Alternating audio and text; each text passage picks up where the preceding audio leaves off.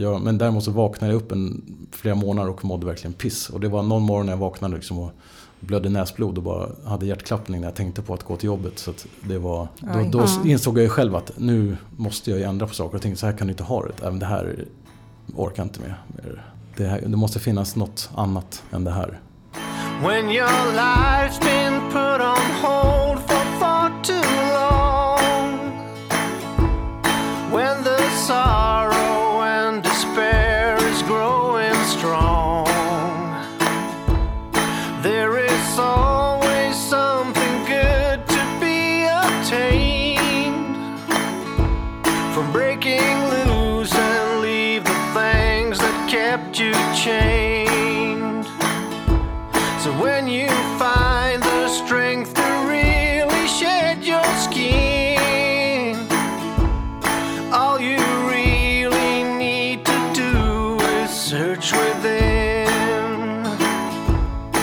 Är det dags för eh, ett nytt avsnitt av Bortom ekorrhjulet.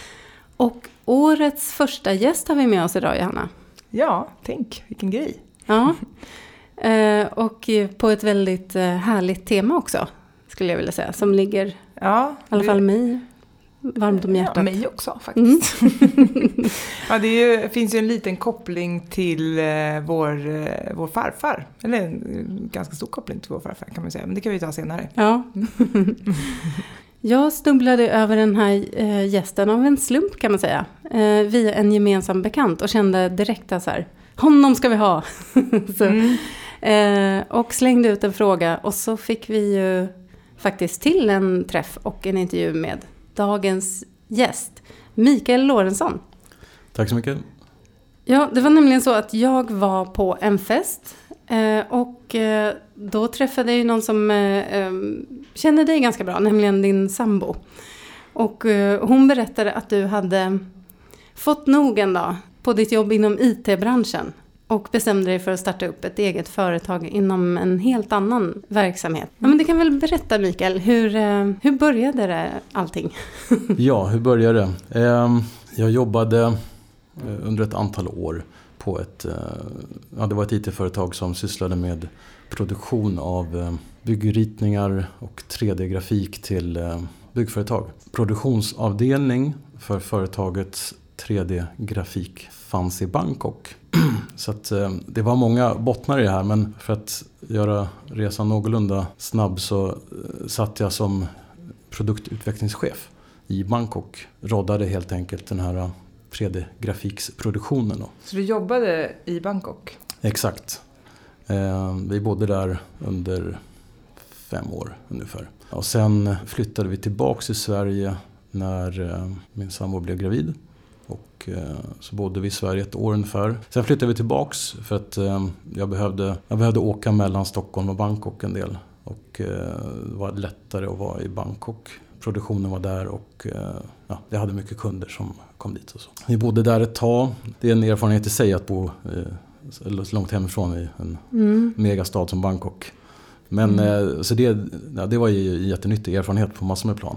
Men sen, eh, ja, jag jobbade ju otroligt mycket. Känns ju kanske, alltså bara min fördom, men inte helt okomplicerat att bo med ett, ett litet spädbarn i Bangkok. Nej, absolut inte. Och sen eh, det som insikter som kommer senare då är ju så så här saker som förskola och annat.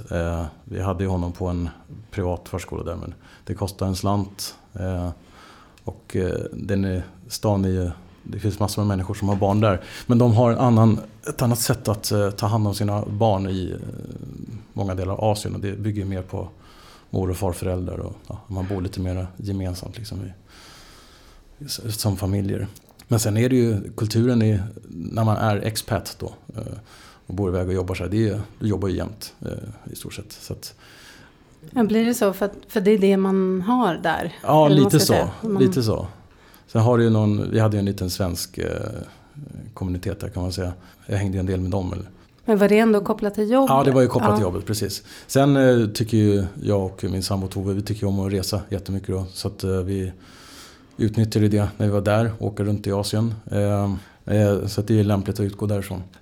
Sen insåg vi att Nej men vi kanske ska pröva att bo i Sverige ändå för att det blir lättare med förskola och hela balletten. Får jag bara fråga, jobbade hon och din sambo också? Eller var Ja. hon liksom... Hon jobbade också. Mm. Eh, inte 100% men 50% kanske. Vi bestämde oss för att flytta hem. Hon flyttade hem. Så kom jag strax efter. Eh, och så fortsatte jag med det här då, intensiva arbetandet. 60-70 timmar i veckan. Och så lite pendlande till Bangkok. Så att jag vaknade en dag och kände att även det här orkar inte med. mer. Det, det, här, det måste finnas något annat än det här. Och då hade jag under några års tid eh, byggt upp som en litet sido-hobbyprojekt.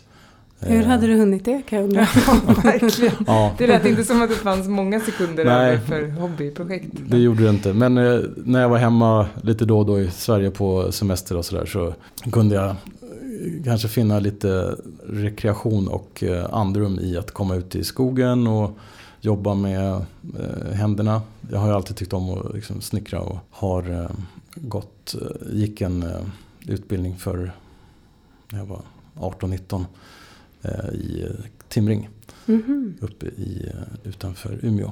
Det, var, det tyckte jag var jättekul men det vart inget mer av det då. Sen eh, lärde jag mig, nu hoppar vi tillbaka lite längre i tiden. Eh, när jag var 15-16 så sommarjobbade jag i skogen då, med gallring och Mhm. avverkning. Eh, Det här skedde nere i eh, södra Östergötland där mina föräldrar hade ett landställe. Och så hade vi en eh, skogsbonde som granne. Han kunde allting om skogen som var värt att veta. Eh, Så att eh, jag passade på att försöka lära mig lite då av honom. 15, 16, 17 års åldern där då var jag ute i skogen och jobbade med såg och, vårtsåg och yxa. Och tog till mig av de kunskaper det- han hade.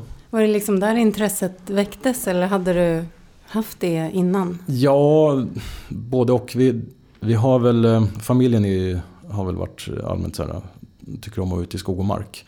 Sen eh, är jag ännu mera eh, fast för det. Så jag tillbringar helst all min vakna tid utomhus. Mm. Jag tänker just i den åldern också, alltså 15-16, Ja. det är ju inte det, vanligaste. Nej, absolut inte. Absolut inte. Och jag vet inte, det var... Jag bara fick fram att det här är ju... Det är ju jättekul. Men verkligen, det var ju... Annars var ju... Jag, menar, jag är ju född inne i Stockholm. Jag uppväxt i, liksom, verkligen inne i stan. Eh, så att det var ju verkligen långt från det. Eh, I den åldern så... Hemma så slarvar man ju mest runt liksom och ställer till med otyg. Så att det var väl ett sätt att kanske få en mer städad tillvaro. Ja, nej men det är lite eh, bakgrund bara till eh, det som jag senare startade som hobbyprojekt. Där under den här tiden när jag var eh, i övre tonåren så lärde jag mig eh, ett hantverk som eh, den här läromästaren kunde. Det var gärdsgårdsbygge, gamla traditionella trägärdesgårdar. Det där lyckades jag väl bemästra så småningom och sen hade jag det som en sträng på lyran kan man väl säga men utan att utnyttja det. Tills jag insåg att när jag började gräva lite i det att fan det här är, finns ett stort intresse kring det här. Så jag satte upp en hemsida på, lite på skoj för att se om jag fick någon respons. Och det dröjde inte alls lång tid innan det började liksom komma förfrågningar. Bygga åt folk och sen insåg jag att folk ville, var många som ville lära sig det här också. Så att, eh, jag började med att arrangera några kurser och sen hade jag något enstaka byggprojekt per år. Och då jobbar du fortfarande? Ja, då jobbar jag fortfarande. Mhm. Precis. Men sen eh, när jag kände att man kan ju konstatera att jag har varit kraftigt utbränd då, helt enkelt, av eh, allt det här. Mm, var du sjukskriven? Nej, så? jag var inte sjukskriven. Eh, utan eh, jag, men däremot så vaknade jag upp en, flera månader och mådde verkligen piss. Och det var någon morgon när jag vaknade liksom och blödde näsblod och bara hade hjärtklappning när jag tänkte på att gå till jobbet. Så det var, Mm. Då, då Ja. insåg jag ju själv att nu måste jag ju ändra på saker och ting. Så här kan du inte ha det. Så kommer jag få hjärtinfarkt när man är innan 40. Men Gud, vilken, vilken dramatisk bild man får i huvudet. Just här, någon som bara vaknar och typ det bara forsar näsblod. Och Jo men liksom och, här, det vart ju så för jag Mm. blödde ju aldrig näsblod så annars eh, i vanliga fall. Så det var ju- det vart ju jättekonstigt. Jag ja. undrar ju vad som hände. Sen eh, efter det så har jag ju liksom, man lär sig ju om Det är så- kroppen och sig Ja. själv utifrån sådana här händelser också. Ja, för det tar sig ju fysiska uttryck till slut. Om man liksom bara Mm. kör på med den här stressen. Ja men precis, exakt. Så. Sen var det ju, jag tänkte ju mycket sena, sista åren som jag satt inne på kontor och jobbade.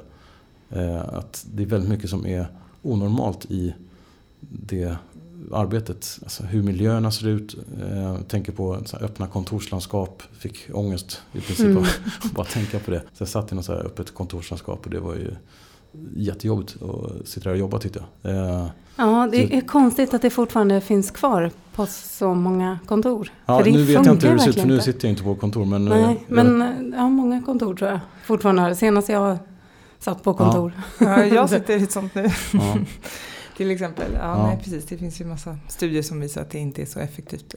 Nej, jag vet inte. Det är, något sätt, men. förlåt. Många är nog medvetna om det nu och försöker kanske fasa ut det. Men sen är det det här med utrymmet och liksom. Mm. Ja, jo, Allting klart. ska ju vara maximeras hela tiden. Så är det ju. Så är det, ju. det är Mm. på gränsen hela tiden. Nej men och det, det finns ju de här studierna liksom att eh, blir du avbruten i något eh, tankeverksamhet så tar det 25 minuter innan, innan du är tillbaks till där du var. Mm.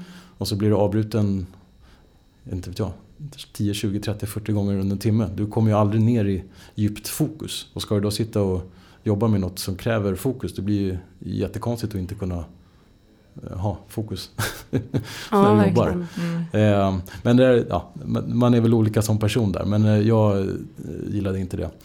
Så det var en sån sak som drev upp stressen för mig också. Men jag fick ett... Jag bad om att få ett eget rum att sitta och jobba i. eh, Vilket jag fick. Oavsett så var det liksom för mycket till slut.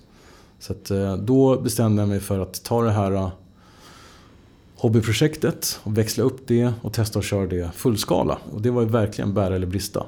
För att, eh, då hade jag ju inte eh, jättemycket projekt bokade eh, kunder liksom. Och jag hade ingen jag hade ingen större nätverk att jobba med och eh, sådär. Så att, eh, men Jag hade... skedde det här ganska snabbt då? Eller, så det var som att du, nu kör jag bara? ja, i princip så. Eh, det är ju lite så som jag är som person också. Eh, tyvärr.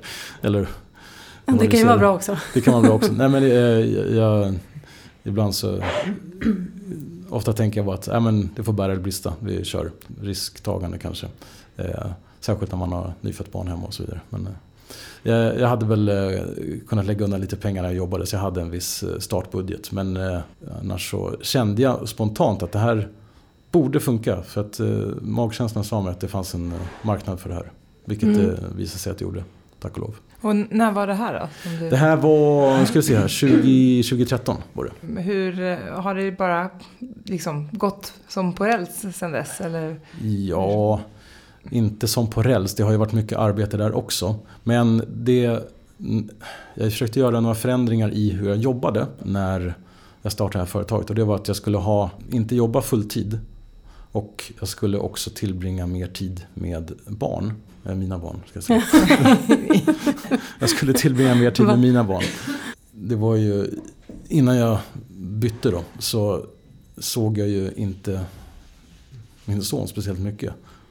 Jag kände att det, var ju, det kändes ju rätt pissigt. Och eh, jag såg ju på de personer jag hade runt omkring mig som jobbade i, i den branschen att normen där var ju, den var ju rätt skev. Och det var ju att eh, du ska inte vara pappaledig, du ska inte vara hemma med dina barn alls i princip. Och eh, det var ju lite så här, varför då? Det var en grej jag ville ändra på. Jag ville eh, liksom vara med i mina barns uppväxt lite mer. Sen är det ju också så att är du egenföretagare så är det ju det här med att vara föräldraledig, det går inte riktigt på samma sätt som om du har en fast anställning och eh, kan gå till din arbetsgivare och säga hej jag ska vara ledig i sex månader. Utan jag får ju mer plocka ut eh, någon vecka här, någon vecka där. Ja, för det går ju kanske på ett lättare sätt att, att få in det mer i vardagen. Ja, om man säger. precis. Istället för de här kanske klumpledigheterna. Ja men precis, exakt. Mm. Och sen är det ju, eh, nej men nu, jag jobbar ju kanske 7 till 3, 7 till 4 så att jag har ju, eh, hämtar oftast eh, på förskolan och ja, hemma där sen på kvällen. Så att, eh, ja, det är rätt skönt att ha den tiden.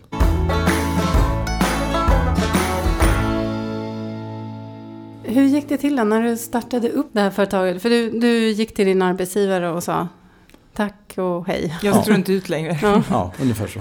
Ja, och sen eh, hade, hur, vad ska vi säga, då satte du igång med hela liksom, företagsbyggandet.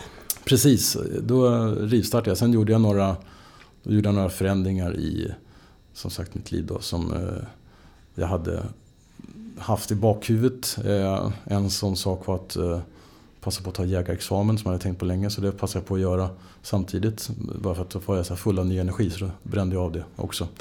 Eh, men sen är, ja, sen, var, sen är det massor med prylar och saker som behöver införskaffas när du ska starta upp ett eh, nytt företag. Särskilt om det är hantverksföretag. Då, så att, eh, eh, det är liksom allt från lager till eh, maskiner. Nu har jag inte speciellt mycket maskiner eh, som jag jobbar med. Jag försöker göra det mesta. Ja, du jobbar mycket på traditionellt Ja men vis. precis. Mm. Exakt, så det, är, så det är i princip som jag använder mig av. Det är motorsåg, yxa. Eh, ja, lite, Skulle nästan komma och botanisera i vår lada.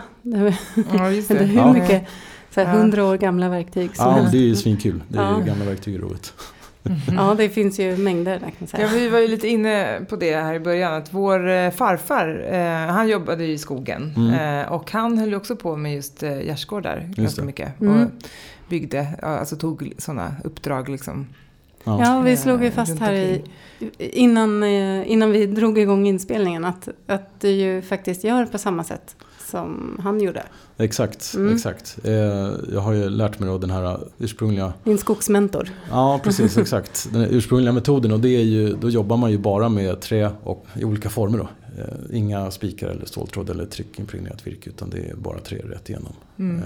Och det är ju svinkul att kunna få till någonting som är bestående med till synes relativt enkla medel. Sen är det otroligt my- mycket mer komplicerat än vad det ser ut. Men eh, ja, vi gör ju mycket, mycket av arbetet med materialet. Det jag fäller inte allt virke själv men jag fäller en del själv och eh, ja, bearbetar alltså kvistar, eh, barkar och så vidare. Ja, ja, så du gör hela den processen Ja, själv också? precis. Exakt.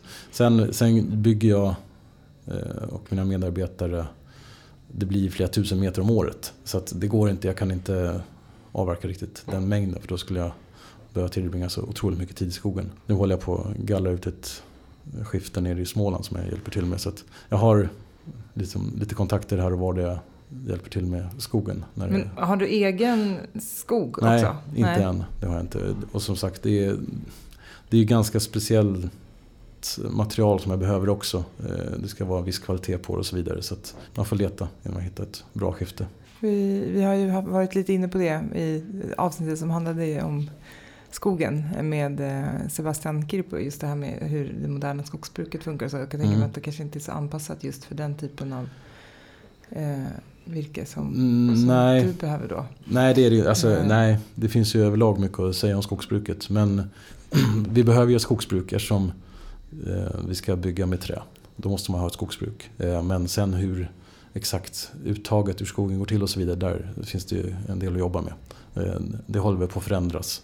Men eh, just eh, hänsyn till eh, skogen överlag och eh, det här att man inte bara planterar monokulturer och så vidare. Det, är- ja, det, Mm. det är ett eh, helt eget avsnitt kanske. Ja, det, det har vi haft.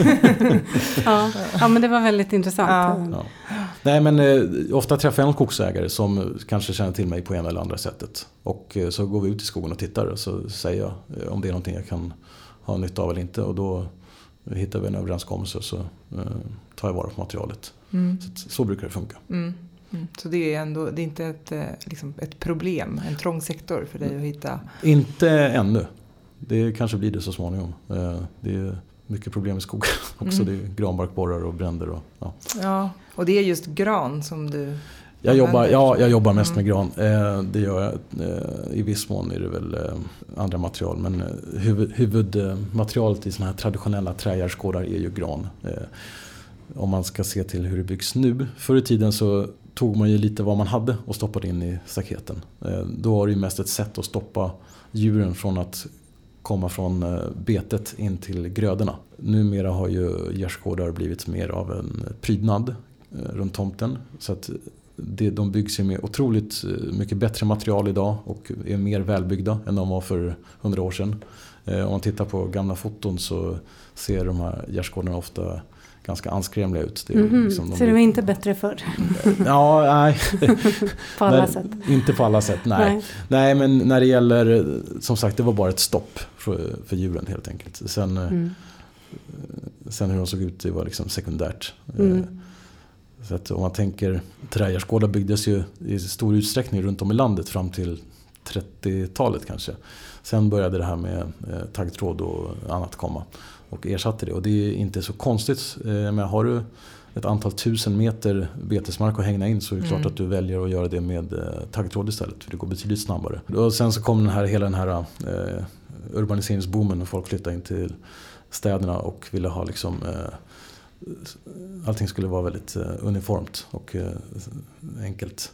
Då, allt det här gamla, alla gamla hantverk var ju helt ointressanta från 50-talet och framåt. Det var ju nöd och näppe som många hantverk överlevde. Och det liksom, gäller ju allt från mathantverk till byggnadshantverk. Så att, det är ju tack vare gamla envisa eldsjälar som vägrade att släppa det här som kunde i sista sekunden transformera över det här till nya personer som mycket mm. av det här överlevde. Det var det första jag sa tror jag till din sambo när vi mm. pratade. Så att, att det är väl inte så många som kan det här längre? Nej. Eller hur ser det ut? Nej, det är det inte. Säg att i Sverige kanske är, om vi tar just eh, den nischade branschen gärdsgårdsbygge, så är det väl kanske tio firmer som gör det här eh, enligt den traditionella boken så att säga. Sen finns det ju massor med andra som använder skruv och stråltråd och eh, tryckimpregnerat virke och så vidare. Eh, det är inte riktigt samma sak, det är mer ett staket då. Mm. Eh, så nej, det finns inte så jättemånga firmor. Jag försöker att sprida kunskaperna vidare genom att hålla kurser då, i gärdsgårdsbygge. Så jag har ett ja, 10-15 kurser om året på olika platser i södra Sverige. Jag tänker att jag kanske ska signa upp mig. Mm. det låter så härligt. Det tycker jag absolut ska göra. Mm. Vi tar det efter. Ja. eh, och där är ju, återigen för att eh, beröra bloggens, eller förlåt, poddens tema kanske, så är det ju, där träffar jag också väldigt mycket människor som har en längtan efter att jobba med eh, händerna och komma mm. ut och göra någonting annat. Och många kommer väldigt eh, entusiastiska och glada och eh, jättenöjda med att få, de ska bygga till sommarstugan eller något. Och liksom just det här att få jobba med yxa och stå mm. utomhus hela tiden. Det, det, är en ny upplevelse för många. Så att, mm, mm. Det, är kul att, det är kul att kunna bidra till att sprida, sprida lite kunskaper där. Och, mm. Upplever du att det intresset liksom ökar? Eller? Ja, det skulle jag nog säga. Och, Ja, absolut. Jag har... Eh, jag började med två, tre kurser om året och som sagt nu har jag... Nu lägger jag väl in ungefär så mycket kurser som jag orkar med själv och eh, förmår tidsmässigt. För att du är ändå, eh, har, mina kurser är två eller tre dagar.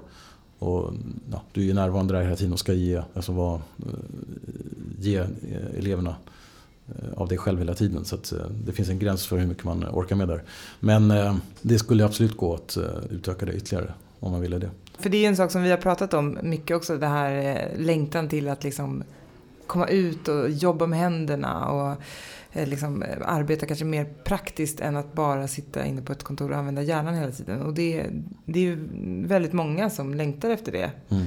Och det kan ju ta sig olika liksom, yttra sig på olika sätt och kanske lite beroende på vad man har för intressen och sådär. Men jag kan tänka mig att just den här typen, och just eftersom det är också ett väldigt Eh, som du säger, sen, naturligt eh, hantverk och mm. att man eh, använder bara liksom, naturmaterial. Och det mm. ligger ju väldigt rätt i tiden. Liksom. Ja det gör det absolut. Och sen eh, exakt, för min del så har det varit att se att det blir någonting konkret av det man gör.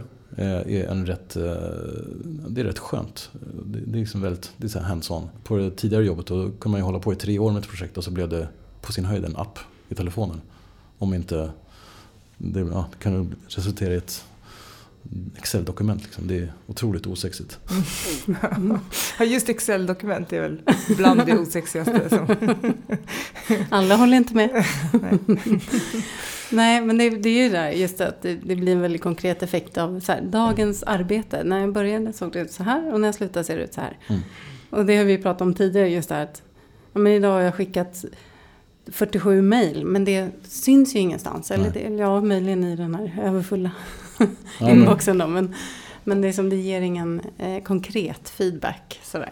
Men jag tänkte backa lite, för du pratade om att eh, just det här att starta upp Mm. eh, och med maskiner. Och, eh, hur gick det tillväga där? Liksom, sökte du finansiering eller Eh, nej, det gjorde jag inte. Eh, jag... Eh, snodde? Eller? ja, precis. Jag snodde exakt. Jag drog på mig en svart lånarluva och så smög jag in på ett byggvaruhus på natten. Ja. Eh, nej, jag, som sagt, jag hade väl...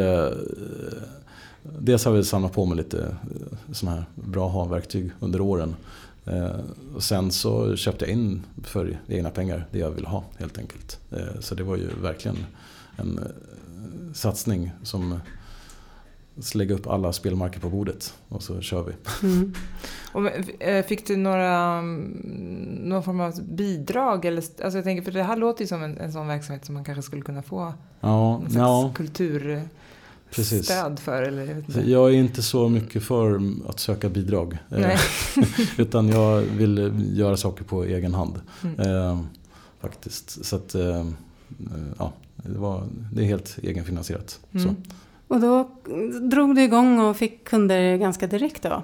Ja, precis. Eh, sen fick jag ju försöka marknadsföra mig. Eh, men det som, eh, det som är bra i den här byggnadsvårdsbranschen som är, är inom det ena, det blir ringa på vattnet ganska snabbt. Om eh, någon vet att någon kan någonting så kan det där sprida sig liksom, över hela landet i princip. Mm. Eller söder om Dalälven i alla fall. Så att då får jag runt egentligen på rätt mycket jobb första åren runt om i hela södra Sverige. Bara för att dels att bygga upp liksom ett nytt CV eh, inom den här branschen och sen det är otroligt lärorikt med alla projekten. Liksom, så att jag var nere i liksom, Göteborg, Halland, eh, Skåne. Nu så har jag liksom begränsat eh, rörelseområde så nu håller jag mig mest i Sörmland och Östergötland. Men det, det är ju, eftersom jag bor i Stockholm så det är ju inte så jättemånga projekt inne i stan. Skansen är en sån kund, den ligger Ja, faktiskt precis. mitt i Ja, stan. just det. Ja, de har väl en hel del. Ja, eh, de har några tusen meter. Ja. Och så när du är klar liksom med att slutfört det sista, då kan du börja om från början igen där. Ja, så du kan i- ha dem som en evig kund. I princip, i princip. Jo men det är så. Jag har några sådana här friluftsmuseum och eh, hembygdsgårdar som är kunder. Eh, Södertälje också. Ett Ja, friluftsmuseum. just ja, det här... eh, Tore Kjellberg Ja, det. där har jag varit med min dotter på. De gjorde alltid här dagisutflykter dit. Ja, just det, just det. Ja men det är jättefint. Det är som en miniskansen kan man säga. Mm. Eh, och eh, ja, med massa lantraser och eh, hus också. Så att eh, de tar hand om eh, sina hus och miljöer efter förmåga. Där, också, så där är också återkommande ständigt arbete. Så att, flera av de här dök upp som kunder ganska snabbt. Vilket eh, ja, det var ju jättetur och bra att de gjorde det. Och sen har jag haft dem som återkommande kunder. Då. För visst var det så att du till och med får tacka nej till vissa... Ja, det, så har det blivit nu. Eh, Mm. Nu tackar jag nej till jobb, eh, absolut. Och eh, det är ju fantastiskt att ha kunnat komma så långt. Det är jag jätteglad för. Jag tyckte Verkligen. du nämnde något om medarbetare också, så du har Ja. anställt. Just det, precis. Jo, jag har eh, sen tre år tillbaks ungefär så har jag haft folk som eh, eh jag tar in vid behov. Eh, andra snickare och eh, folk som är allmänt kunniga inom branschen med egna företag. Och sen har jag haft en kille anställd på halvtid också i eh, ett år drygt. Eh, nu ska han gå på eh, pappaledighet här då. Så du, i ditt företag får man vara pappaledig? exakt, Ja, exakt. Det är bra. Eh, Så att, nej men det, det är jättekul då, att jag kan eh, få in fler personer. I... Ja, är det svårt att rekrytera? Jag har aldrig sett en annons efter. Nej, precis. Det, det blir ju så här, eh, du måste ju vara lite funtad som eh, jag. Alltså du måste ju kunna vara ute i alla väder året runt i princip. Och inte gnälla över det. Att det regnar, regnar så regnar det. Eh, det är inte så mycket att åt. Eh, så att eh, tar man sig igenom det nålsögat så Ja, det, det är inte så många kvar.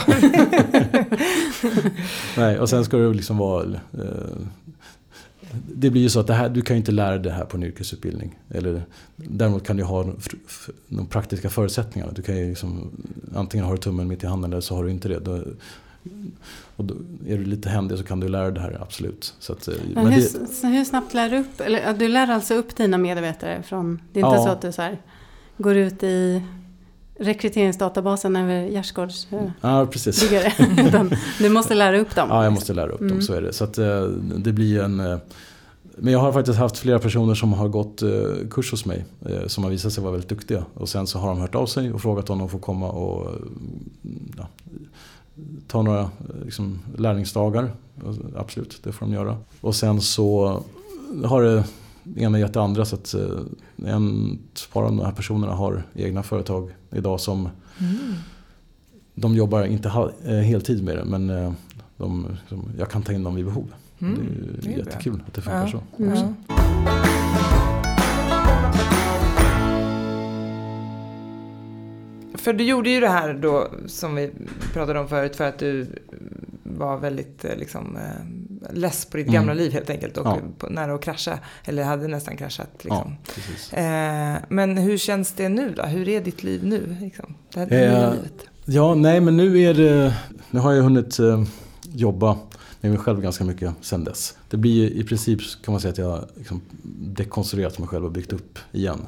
Sen, nu, det här är ju 75% av det jag gör med eh, mitt hantverksföretag. Sen är jag ju inom Försvarsmakten också ungefär 25% av tiden. Mm. Jag är gruppchef på ett insatskompani i Stockholm. Mm. Så att, eh, Vilken spännande kombo. Ja, mm. nej, men det är, det är ute i båda fallen ganska mycket. Ja. Vad, för, för, jag måste bara fråga, vad gör du då? Vad, liksom... ja, nej, men vi övar... Eh, jag är på Livgardet då. Och, ja. Så vi övar ju mycket på eh, försvar, eh, strid och försvar. Helt enkelt. Så, och det är också, jag håller på att utbilda mig till instruktör eh, mm. inom Försvarsmakten. Det är också jätteroligt. Så jag går mm. en del utbildningar där. Så där, det är också väldigt lärorikt. Eh, särskilt då som jag jobbar en hel del med utbildning inom mitt eget företag också. Så kan man ju ta med sig de erfarenheterna in i båda, båda fallen. Hur, hur kom ehm, det här jobbet i Försvarsmakten? Hur kom det? Dök det bara upp eller var det Nej, ett intresse också? Det var väl så här att eh, runt 2014 där så har vi ju ett grannland i öster som invaderade ett annat land. Mm. Eh, vi, vi, nämner ingen. Nej. eh, det, jag gjorde ju lumpen då eh, som många andra fortfarande gjorde då. Eh, sen var det en paus med värnplikten. Men jag låg uppe i Boden som ingenjörssoldat. Så att jag hade en militär grundutbildning i botten. Sen eh, det där 2014 tror jag att det var många som eh, fick upp ögonen för att ja, men det kanske inte är så lugnt och tryggt längre som vi har tänkt att det är. Så att eh, jag sökte mig till hemvärnet då. Och eh, fick en eh, placering på Stockholmsbataljonen. Så då har jag ett antal dagar per år som jag tjänstgör där. Och eh, det, är ju, det bygger mycket på frivillighet. Men eh, vi kan ju också bli inkallade vid akuta händelser som till exempel 2018 när det brann mm, på många platser i Sverige. Det.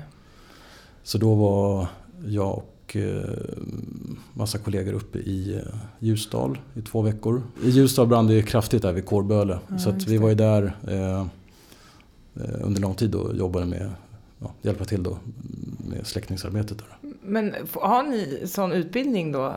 Alltså så att ni kan liksom släcka bränder och så? Ja, alltså vår, en, en, vad ska jag säga, om vi tar en militär enhet. Styrkan där är ju att det går väldigt snabbt att organisera sig och snabbt att lösa den uppgift man blir tilldelad.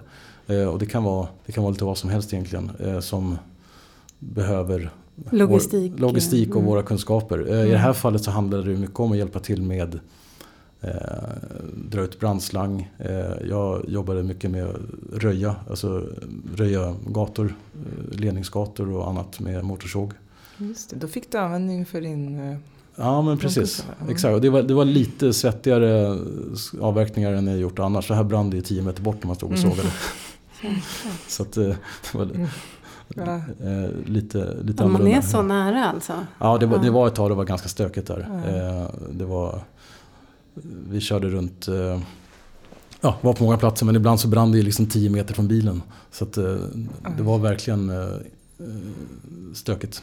Men det, det, var inte folk som blev skadade och sådär? Eller? Nej, inga allvarligt. Det var Nej. inga dödsfall och sådär. Så, där, men det var också en fantastisk känsla att få ta del av det som hände där. För att det var civilsamhället där ställde upp enormt mycket. Eh, vi eh, bodde på en bondgård i någon maskinhall där som eh, folk gjorde i ordning.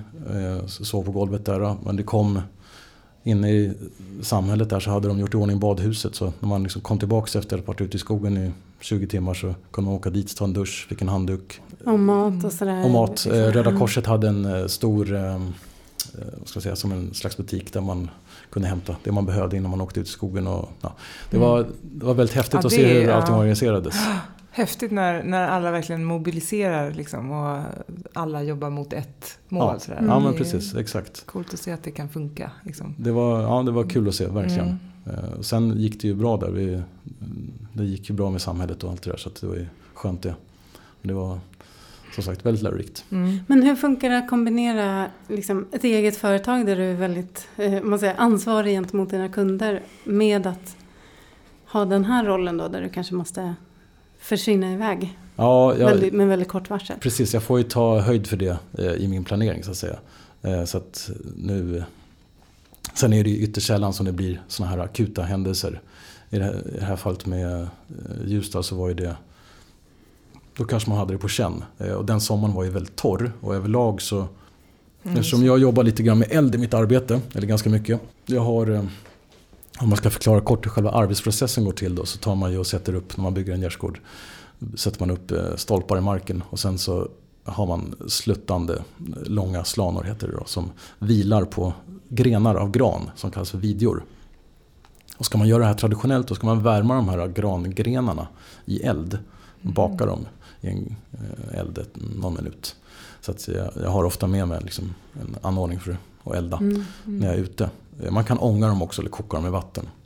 Jag har också en jättestor eh, cylinder kan man säga som jag hettar upp med vattenånga. Varför kan, gör man det då? det är för att de ska bli mjuka och eh, böjliga. De blir de som en gummislang i princip. Och så Mm. binder du på dem och sen stenar de och sen sitter de stenhårt. Mm. Det är jättehäftigt. Otroligt fascinerande. Att man helt har enkelt. upptäckt det en gång Ja, i tiden. alltså det är Mm. kådan börjar koka inne i grenen och sen så Ja, blir den mjuk det. och sen stenar den och sen sitter den Som klister det, blir det Ja, det blir som betong. Mm. Ja. Och sen blir det en väldigt stadig konstruktion om du gör det här rätt. Då. Ehm, Men då har jag ju ofta då eld eh, när jag arbetar och den sommaren 2018 då var det så otroligt torrt så då fick jag ju ställa in flera kurser eh, Mm. för att det gick inte att Ja, det var ju, jag skulle inte ens tänka tanken att tända en tändsticka. Eh, Då var det så torrt ute. Just det. Så att det var ju ändå naturligt att, vad ska man säga, det blev ett avbrott där. Mm. Men eh, nej, sen eh, visst, skulle det vara något så... eh, Det, vi har ju varit på några eftersök och någon gång var det någon enorm snöstorm i Stockholm då vi åkte ut och hjälpte till och hjälpte ambulanspersonal att komma fram till personer som var insnöade och sådär. Så det kan ju komma sådana saker. Men ofta så kanske man har lite framförhållning. Mm. Ja, och då kanske också folk har förståelse om du behöver ringa och liksom avboka en Ja, kund eh. som ska fixa till sin gärdsgård för att det Precis, brinner i halva Sverige Ja. så kanske man liksom inte... exakt. Jo, jag, hade, jag hade ju så där Ja. under. eh, Jag pratade med kunderna och sa att ja, men det går inte att jag kommer nu för att eh, det här och det här har, Mm. hänt. Så att, absolut, folk Mm. har förståelse. Mm. Så är det. Men sen har jag, eh, jag, menar, jag har ett, när det gäller eh, försvaret så har jag en eh, kalender. Vi har ju allting inbokat som liksom är st- stora övningar och så vidare. Så att då vet jag ju alltid vart jag ska vara och när. Mm. Ja, just det. Så det går ju att planera ut efter det. Mm. Jag tänkte, du pratade om det här att du har liksom i princip eh, ja, bry, brutit ner, det, det klarade ju jobbet av innan, men Mm. och så byggt upp dig själv igen. Mm. Men eh, eh, handlar det mycket om din syn på arbete och liksom hur du tar dig an det? Eller skulle du säga att... Ja, det gör det ju. Eh, någonstans, så, någonstans så handlar det om att du ska kunna finna glädje i det arbete du utför. Och du ska, det måste ju kännas roligt. Dagen måste ju kännas meningsfull på något sätt. Eh, och eh, nu kan jag ju känna att jag gör någonting som är meningsfullt. Absolut. Ehm, dels så, om jag jämför med man hoppar tillbaka tio år och så sitter man på något kundmöte där det är arga och stressade kunder som har någon deadline och budgeten ska hållas. Och, ja, ingen var liksom riktigt nöjd utan det var ja, det är alltid hetsigt Mm, med saker och ting. Och sen så nu så kommer jag ut och eh, kunderna är jätteglada. Liksom, kom, folk kommer förbi och bara ah, vad roligt att du gör det där. och Kul att se att ni håller hantverket levande. Alltså, mycket glada tillrop liksom. Det, är, det är en helt annan det, helt, det blir en helt annan sak att arbeta. Eh, Där kan jag ju känna mig Ja, men då blir, det blir man ju glad av i både kropp och själ. Att uh, få höra det under sin arbetsdag istället för ja, öka, alltså, vi har en budget, bara, bara, bara. Ja, mm. ni vet. Det, det, är som, det är en positiv känsla överlag istället för en negativ känsla överlag. Kan vi säga så då? Och som sagt, det jag tagit med mig är att ha glädje i det man gör. Verkligen. Men och tror du att du kommer liksom fortsätta med det här? Eller är det så att, du, att det finns risk att du tröttnar på att göra gärdsgårdar och liksom byter spår igen? Eller hur känns det? Är det här, så här ditt liksom bygge nu som du ja. ska fortsätta och, och bygga upp? Liksom? Jag tycker om att starta nya projekt. och eh, kommer förmodligen starta flera företag vad det lider. Men det, det handlar lite grann också om att jag, jag, tycker att det är kul att få saker och ting fungera som ingen tror kan fungera. Alltså, och utmana mig själv. Eh, men eh, nej, jag kommer säkert hålla på med det här under överskådlig tid. Kanske inte på heltid hela tiden. Det är ju så att kroppen tar ganska mycket stryk också. Det är ju det är trots allt ett fysiskt arbete och man måste tänka på att hålla hela livet. Jag försöker, just nu försöker jag ligga på en nivå där jag inte sliter ihjäl mig. Och så tänka på liksom att eh, träna regelbundet och så vidare så att man ja, mot, ja, motverkar... Förebyggande. Ja men precis, exakt. Jag hade ju något år där när jag jobbade och åkte runt väldigt mycket i Sverige och jobbade. Och då fick jag, ja, jag knäckte till ryggen på något sätt så jag fick mm. så fruktansvärda ryggproblem ett tag. Så det har jag jobbat mycket med, träna, stärka upp ryggen och runt omkring det. Då. Du har ju mycket hjälpmedel, även om du är eh, snickare idag så har du mycket maskiner till hjälp. Men det är fortfarande, det är fortfarande fysiskt slitsamt. Men eh, det här är väl mera liksom, det här går ju tillbaks, det är så traditionella metoder man jobbar med. Så att, eh, vad ska man säga? Du känner en stark koppling bakåt. Om jag skulle ta det jag gör nu eh, när jag reser en gärdsgård på gammalt sätt och så hoppar man tillbaks 200 år och så träffar någon eh, bonde. Eh, så skulle vi förstå varandra 100% mm. i hur vi jobbar. Det är, liksom, det är ingenting som är förändrat där. Det är, det är rätt mm. roligt. Ja, det är häftigt. Ja, du och farfar skulle kunna liksom. ja, men, Exakt. synka upp. Ja, han skulle väl mest gå och babbla runt omkring. Han hade blivit så glad om någon hade varit intresserad av hans. Han försökte ju tappert att få oss med liksom, och ville ja. visa oss mm. så olika. Dels, för han gjorde ju dels gärdsgårdar och sen så höll han ju på med sådana här Pärttak. Pärttak, ja, också. Eh, som är så här, man gör så här tunna, ja, du vet mm. kanske vad det är. Takspån, ja. Ja, just det. Eh, så, takspån, är det Ja, jo men det är samma sak, det är bara olika namn på, på Olika dialekter. Exakt. Och sen var det ju höhärsning också. Mm. Alla möjliga hantverk som han försökte introducera i. Men vi var ja, inte super... Men det tror jag att jag skulle kunna fortfarande faktiskt. Ja, Slå en äng och härsa. Det var väl det vi kom... Där fanns det i alla fall någonting. Vi kan åtminstone dra slipsten för det har vi gjort jättemycket.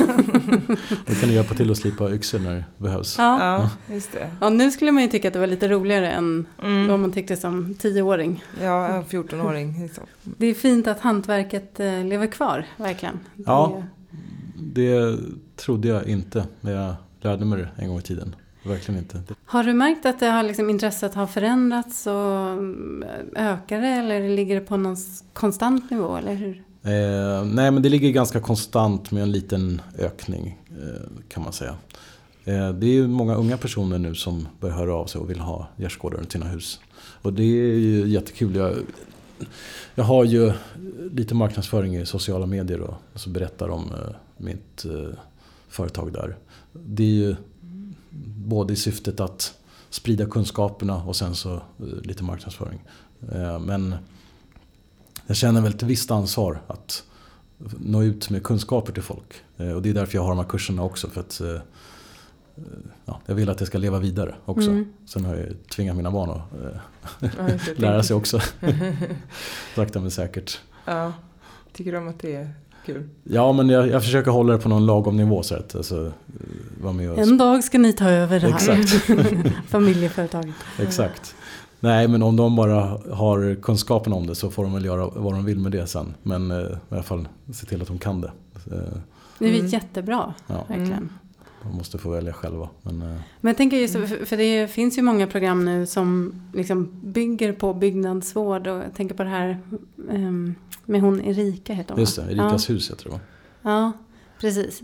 Och ja, men det känns, liksom byggnadsvård har ju kommit tillbaks mer. Att man Mm. inte bara ska renovera sönder allt utan faktiskt spara, bevara och Ja. återskapa. Ja, absolut. Jo, det är ju verkligen en trend också att använda liksom linoljefärger och ja, men liksom isolera fönster enligt så här gamla metoder och allt sånt där. Så det är ju mycket sånt som folk är intresserade Ja, jag av. tänker att det här liksom följer med i, i kölvattnet där, om man ska säga. Ja men så är det ju absolut. Och det var ju, byggnadsvård var ju, alltså allmänt eh, byggnadsvårdsintresse var ju det som fick in mig på det här en gång i tiden. För att, eh, familjen hade ju då en gammal 1700-talsgård. Det var ju Mm. fönster som skulle kittas och hus som skulle målas och eh, allt möjligt. Så det var ju det gjorde vi på gammalt sätt då. Där. Eh, men sen om man ser till idag, alltså hur vi bygger idag och om vi ska ha någon form av hållbart byggande framöver. Då måste man ju verkligen se över byggmetoder och eh, annat. För det är så otroligt mycket quick fix eh, lösningar som Mm. inte är hållbara i längden. Så eh, det, det finns nog en, en hel del att lära av det gamla där. Även om om man tittar på gamla hus så var inte allt optimalt där heller. Men man kanske kan eh, göra någon form av hybrider mellan två världar. Vi pratade mycket om det när vi höll på och renovera ladan där jag numera bor. Ehm, att hantverket i grunden var så otroligt bra. Det, det har ju stått i nästan hundra år och såg ändå väldigt bra ut. Mm. Och jag, jag vet inte hur det är med byggmetoder nu men det är, det är sämre ställt alltså. Ja, alltså framförallt så är det väl materialet, råvaran som är sämre. Om du tar ett gammalt hus så har du ju, inte alltid men ofta så är det betydligt högre kvalitet på virket. Eh, idag om du åker till eh, brädgården och köper virke så är det, du kan i princip trycka in spiken med tummen.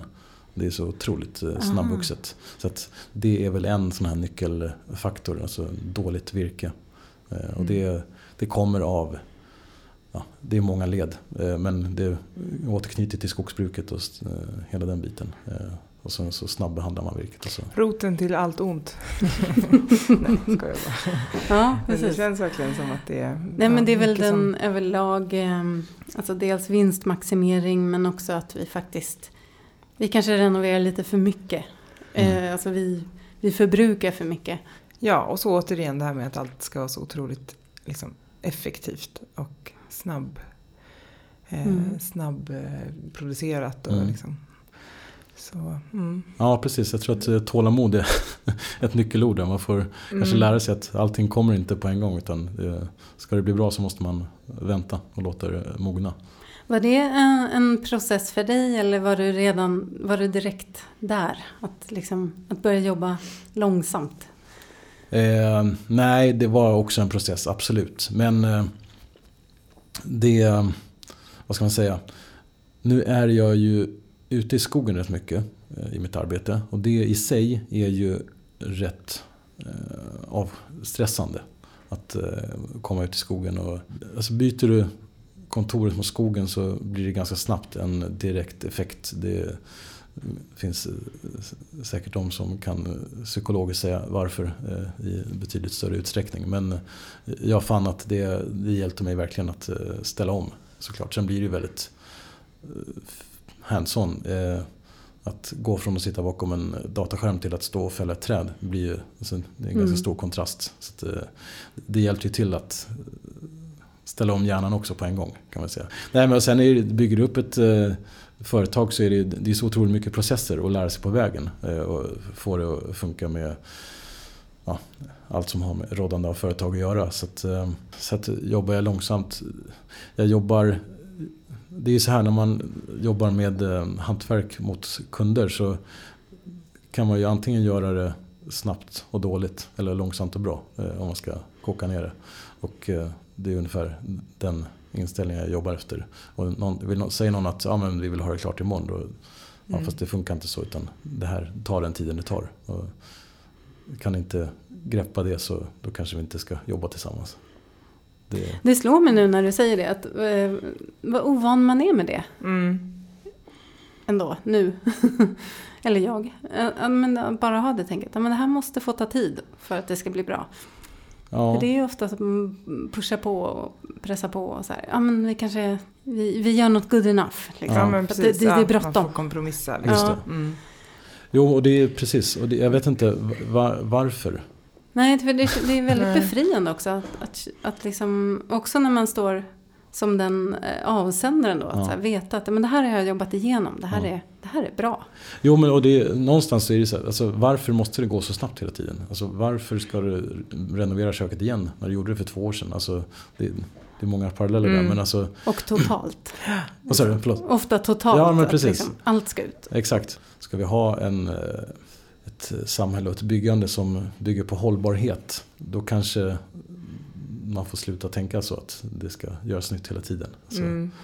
Då kanske man får lära sig att hitta Mm. lösningar som är eh, anpassade ut efter det istället. Mm. Ja, men för att använda en, en term från ditt gamla liv. Nej, men det är en total reboot egentligen som vi behöver. Ja, absolut.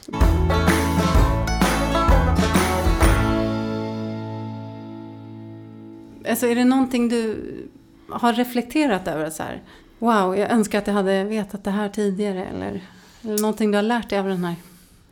Ja, vad ska man säga? Du, där jag är idag, alltså man blir ju summan av sina erfarenheter så att säga, för att ta någon klyscha. Men eh, det jag skulle vilja att kunna tidigare är ju just det här att liksom, inte stressa så jävla mycket. Och det blir inte bättre för att du stressar. Verkligen inte. Det, blir, det är då det havererar. Kanske inte på en gång men i slutändan. Och att eh, se till att ta hand om eh, kroppen också. Verkligen. Eh, både när det gäller liksom vad du stoppar i det och träning och hela den biten. Och sen, jag tycker ju om att vara ute i skogen och det har ju som ambition att liksom, få ut mina barn så mycket som möjligt i skogen. Just det här att, Mm. eh, särskilt då om eh, man lever ett ganska urbant liv, att eh, inte vara rädd för skogen. Mm. Utan det är jävligt nyttigt att komma ut där ofta. Har du lyckats med kompis. det? Och få eh, igång den eh, liksom, lustkänslan hos dem för skogen också? Eller? Ja, men det tror jag. Absolut, de har inte protesterat i alla fall Nej. hittills. Men där gäller det också att göra det i, eh, i lagom takt tror jag. Eh, utifrån deras förutsättningar också. Eh, när jag är ute och går med min yngsta dotter så då kanske det handlar om att gå ett par timmar och titta på löv eller någon rolig sten. Och min son som är lite äldre, vi var ute och campade och ja, det var lite spännande att sova i tält och sådär. Men Mm. man får ju lägga det på en lagom nivå. Inte kanske köra en 10 mila marsch utan Nej, just det. Bränna allt krut på en ja, gång. precis. Kommer aldrig vilja sätta sin fot i skogen igen. Nej, Nej. precis. Det är lätt att det kan bli så. Man är lite för över, liksom, övertaggad. Ja, absolut. Verkligen. Där får man ju verkligen hålla band på sig själv. För att Ja. det, det måste ju få växa fram. Men eh, jag tror att som sagt alla människor mår bra av att komma ut eh, ofta. Så att, eh, det, det är bara att den insikten ska trilla ner. Mm. Ja, men så här avslutningsvis då. Har du några liksom, eh, tankar och tips och sånt som du vill dela med dig av till? Om det är någon som kanske... Vi brukar ju försöka summera så. Mm. Um, som sitter och håller på och är på gränsen till att börja blöda näsblod imorgon bitti. Ja, precis. Vad ska man göra? Nej, men eh, oftast så har man ju en eh, tanke eller dröm någonstans. Och eh, man behöver ju inte kanske starta ett företag av den, men se till att ta vara på den och utveckla den i, utifrån de förutsättningar som finns. Det är väl en jättebra start tycker jag. Mm. Eh, och stressa inte, för det blir inte bättre för att du stressar. Um, Vi kanske ska sjunga Ja. långsamhetens lov lite Ja. mer. Precis, det Låta behöver man ju väldigt, alltså nästan alla tror jag behöver öva sig på det. Att Verkligen. inte bara stressa för stressandets skull, för det är det man gör. Man har ju det här uppskruvade tempot i kroppen Mm. liksom väldigt mycket. Ja, men och nästa gång Mm. någonting ska göras eh, som är viktigt och bråttom så kanske man kan dels ge sig själv och kanske begära att få, kan jag få lite extra tid för att göra det här riktigt bra? Och Mm. verkligen få, eh, för jag tror man skyndar igenom väldigt mycket. Och, Ja. och lite som Annie sa i ett avsnitt, så att allting går egentligen inte snabbare utan vi låter det gå Ja, Mm. snabbt. Och, precis. och det, vi kan bestämma Ja. hur snabbt det ska gå. Ja, det, vi är så vana vid ett snabbt informationsflöde. Det är liksom, har du pushar på telefonen till exempel så blippar det hela tiden. Det där är också en sån sak, stäng av det. Lägg Mm. bort den. Ha den inte i samma rum. Liksom. Alltså, det bidrar ju också till att minska eh, eller Ja. öka fokusen. Det Mm. finns ju många saker man kan göra för sig själv som liksom ganska liten insats med ganska stor effekt. Ja men precis, exakt. exakt. Bland annat då notiser. Det, det har vi Mm. också pratat om Mm. förut Ja. att det är verkligen en eh, uppmärksamhetstjuv. Ja, Ja. precis. Popcornhjärnan. Ja. Vad bra. Men, eh, st- och Alltså. Mer långsamhet åt folket. ja, exakt. stressa inte för det är dåligt. och det blir dåligt. Eh, och låt saker ta tid. Ja. Och ta hand om kroppen. Ja, Mm. Mm. precis. Vad bra. Alltså, väldigt glad att du kunde vara med och berätta din historia. Ja, tack, vad roligt att jag fick komma hit. Väldigt inspirerande. Ja, det var det verkligen. För de som är sugna på att antingen lära sig eh, bygga gärdsgård eller eh, kanske beställa en. Vart kan man hitta dig? Eh, Svenska gärdsgårdar heter företaget. Svenska Garsgardar. Ja, eh, finns på Instagram också om man söker på Svenska gärdsgårdar. Så Mm. kan man se mer där. Ja. In och eh, låt er inspireras. Eh, härligt, men då eh, säger vi så. Och så tackar vi Sven Karlsson och Epidemic Sound för musiken eh, i vanlig ordning. Jajamän, det gör vi. Och eh, stort tack till dig också igen Micke för att du ville komma hit och berätta. Tack så mycket för att jag fick komma hit. Hej då! Hej då! So when you find the strength to really shed your skin.